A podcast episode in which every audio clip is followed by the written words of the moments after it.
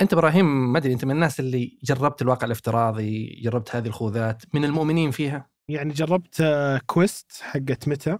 يعني okay شيء تحسه رهيب وأنت تجربه بس ما احسه شيء أبغى أسويه كل يوم.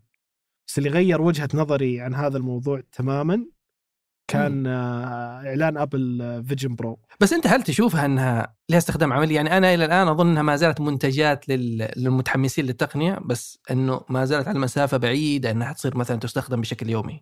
ما أحس لا بحسها اليوم هي منتج انترتينمنت أكثر آه لكن قطعا بيبدأ يدخل في الشغل يعني اصبر إلى الإصدار الثالث الرابع تبدأ تشوف استخداماتها. الحقيقية يعني يعني أنت في 2026 آه، ممكن آه، نراك مثلا تشتغل في المكتب وأنت حاطط النظارات.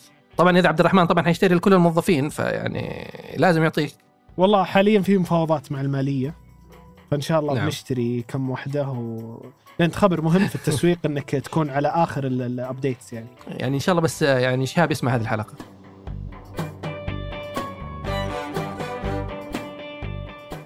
هذا بودكاست الفجر من ثمانية بودكاست فجر كل يوم. نسرد لكم فيه سياق الأخبار اللي تهمكم.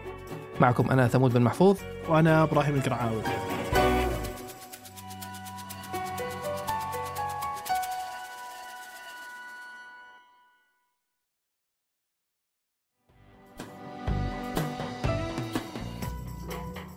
عشرين مايو القادم.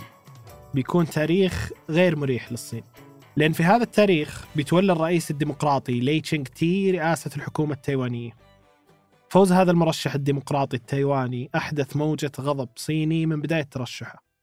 هذا الغضب يرجع لكثير من الأسباب التاريخية بين البلدين. الصين تعتبر جزيرة تايوان جزء مهم من أراضيها.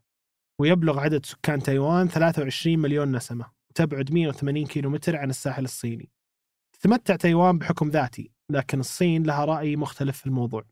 تشدد الصين دائما على مفهوم توافق العام 1992 اللي يؤكد على مبدأ اسمه مبدأ الصين الواحدة وأن تايوان هي جزء من دولة الصين الشعبية. مصطلح الصين الواحدة جاء بعدة أسباب. أولها أن دولة الصين تستخدم في اسمها جمهورية الصين الشعبية. تايوان أيضا تستخدم اسم الصين وتطلق على نفسها جمهورية الصين تايوان. هذا شيء ترفضه دولة الصين ودوما تذكر العالم أنه لا يوجد إلا صين واحدة. وهي قضية جدلية دبلوماسية مو للدولتين بس وإنما للعالم. لأن أي دولة ترغب في بناء علاقات دبلوماسية مع تايوان لازم تقطع علاقاتها مع الصين. تقيم الصين علاقات دبلوماسية مع 182 دولة على أساس مبدأ الصين الواحدة. في حين تملك تايوان علاقات دبلوماسية رسمية مع 13 دولة فقط. معظمها من الدول الفقيرة والنامية في أمريكا الوسطى ومنطقة البحر الكاريبي والمحيط الهادي. وتستخدم الصين ورقة الضغط هذه عشان تعزل تايوان دبلوماسيا. عشان كذا غالبا ما في دولة بتضحي بعلاقتها مع الصين عشان جزيرة صغيرة ما لها أي تأثير. لكن هل فعلا تايوان جزيرة صغيرة بدون أي تأثير عالمي؟ الإجابة هي لا هي دولة مهمة لكن يجهل أهميتها الكثير. اقتصاديا هي سابع اقتصاد في آسيا لكن السبب اللي يجعلها مهمة اقتصاديا وتحت الرعاية الأمريكية هو احتكارها لصناعة أشباه الموصلات. فأكبر شركة في هذا المجال هي شركة TSMC التايوانية واللي تقدر قيمتها ب 430 مليار دولار. وفي شركات أمريكية ثانية في هذا المجال زي انتل وكوالكوم وبرودكوم ومايكرون لكن الشركة التايوانية تحتكر السوق تقريبا. وهذا اللي يخليها ورقة مهمة في الحرب الأمريكية الصينية في مجال التقنية. فتايوان تنتج أكثر من 60% من أشباه الموصلات في العالم. وهذا يعني أنه كل أجهزتنا التقنية في حياتنا اليومية زي الجوالات والسيارات والآلات الصناعية تعتمد على إنتاج هذا البلد. لو نبغى نعطي مثال على تأثير الاقتصاد العالمي فمثلا لو حصل نقص أو تعطل في إمداد أشباه الموصلات من هذه الجزيرة راح تتضرر صناعة الآيفون والآيباد والماك. وقد حصل سابقا أنه تأثر سهم آبل بسبب أخبار سلبية عن نقص في أشباه الموصلات. عشان كذا نحن ما نتحدث عن مشكلة سياسية هي اقتصادية وتقنية أيضا. وبالإضافة لأهمية تايوان الاقتصادية يعتبر مضيق تايوان محرك أساسي للاقتصاد العالمي لأنه 70% من أشباه الموصلات تمر عبر هذا المضيق بالإضافة إلى أكثر من 50% من الحاويات المنقولة في العالم. فالمضيق تعبر منه أكثر من 500 ألف سفينة كل عام. فأي توتر سياسي يعني تأثر في الاقتصاد العالمي بشكل مباشر أو غير مباشر. فوز لاي تشينغ تي بنسبة 40% من الأصوات مزعج للصين لعدة أسباب. منها أنه مؤيد كبير لاستقلال الجزيرة. وقال في خطابه بمناسبة الفوز إننا مصممون على حماية تايوان من تهديدات الصين المستمرة وترهيبها. لذلك يبدو أن الرئيس القادم مستعد للمواجهة وبقوة. بعد إعلان النتيجة حلقت مقاتلات صينية قريبة من الجزيرة. وعلق الرئيس بايدن على الفوز بقوله نحن لا ندعم استقلال تايوان. لكن وزير الخارجية أنتوني بلينكن هنأ لاي بالفوز وأشاد بصلابة النظام الديمقراطي وبالعملية الانتخابية في تايوان. في سيناريوهات كثيرة للعلاقة المضطربة بين الصين وتايوان ومنها سيناريو الحرب. والصين صعدت من ضغط على تايوان ففي سبتمبر من العام 2023 صرحت وزارة الدفاع التايوانية أنها رصدت تحليق 103 طائرة حربية صينية حول الجزيرة. وأيضا بعض الصحف العالمية نشرت عناوين مثل حرب صينية أمريكية بسبب مصنع وهو عنوان ممكن يبدو مبالغ فيه لكن إمكانية حدوثه ممكنة. وفي العام الماضي زادت حدة التوتر بين البلدين بالذات بعد المساعدات الأمريكية العسكرية لتايوان فضمن برنامج مخصص للحكومات الأجنبية. وافقت الإدارة الأمريكية على تزويد تايوان بحزمة مساعدات عسكرية بقيمة 80 مليون دولار. وهي شحنة صغيرة لكنها الأولى بموجب برنامج التمويل العسكري الأجنبي. وهذا البرنامج يمنح الدول ذات السيادة قروض أو منح للتسلح. والإدارات الأمريكية السابقة كانت تبيع السلاح لتايوان لكن ما تعطيها منح عسكرية.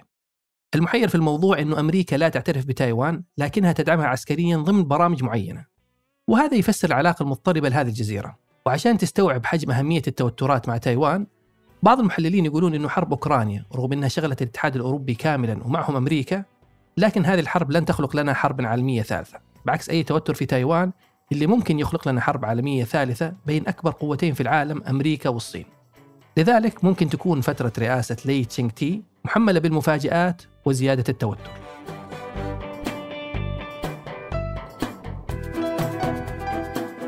وقبل ننهي الحلقة هذه أخبار على السريع.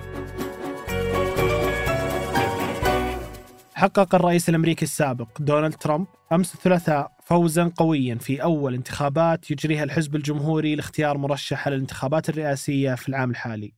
بهذا الفوز أكد ترامب هيمنته على الحزب في الوقت اللي يسعى فيه للحصول على ثالث ترشيح على التوالي وخوض مواجهة ثانية مع الرئيس الديمقراطي جو بايدن. تجهز أكثر من 13 شركة ناشئة سعودية ملفاتها للاكتتاب العام خلال العامين القادمين. وخلال السنوات القليلة الماضية بدينا نشهد تغير في قطاع الشركات الناشئة المحلي لأنه عمليات التخارج من الشركات الناشئة في المملكة بأنماطها المختلفة زي الاستحواذات والاندماجات والطرح في سوق الأسهم قفزت من معدل تخارجين في السنة الواحدة إلى 17 تخارج في السنتين الماضية من بينها طرح وحيد لأسهم شركة جاهز في السوق الرئيسي. وأعلنت اليوم شركة نايس ون المتخصصة في بيع العطور أنها تخطط لطرح عام أولي وحتنضم بكذا إلى عدد من الشركات التكنولوجية الناشئة في الشرق الأوسط اللي تخطط لدخول سوق الأسهم.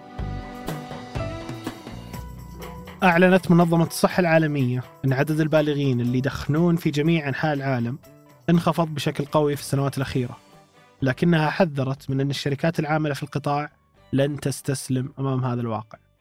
في عام 2022 كان ما يقرب من شخص من كل خمسة بالغين في العالم يدخن أو يستهلك مشتقات التبغ مقارنة بواحد من كل ثلاثة في مطلع الألفية الثالثة. تشير البيانات إلى أن 150 دولة نجحت في خفض استهلاك التبغ على أراضيها وتشير الإحصائيات إلى أن التدخين يقتل أكثر من 8 ملايين شخص كل عام بما في ذلك حوالي 1.3 مليون من غير المدخنين بسبب تعرضهم للتدخين السلبي.